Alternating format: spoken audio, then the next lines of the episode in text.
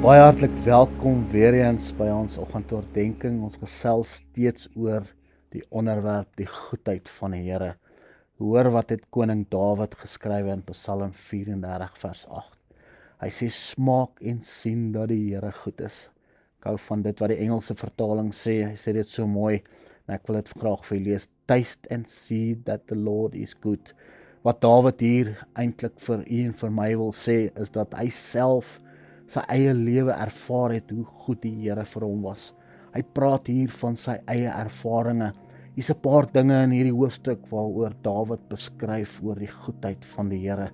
Kom ek lees vir u wat sê vers 5. Hy sê ek het die Here gesoek en hy het my geantwoord en my uit al my vrees gered. Vers 7 sê hierdie elendige het geroep en die Here het gehoor en geantwoord en hy het hom uit al sy benoudhede verlos. Vers 16 sê die oë van die Here is op die regverdiges en sy ore tot hulle opgeroep.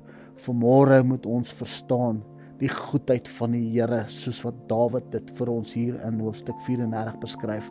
Volgende week gesels ons verder oor die goedheid van die Here. Wil u nie vanoggend net daar waar hy is vir die Here sê dankie Here vir u goedheid. Shalom groetnis tot 'n volgende keer.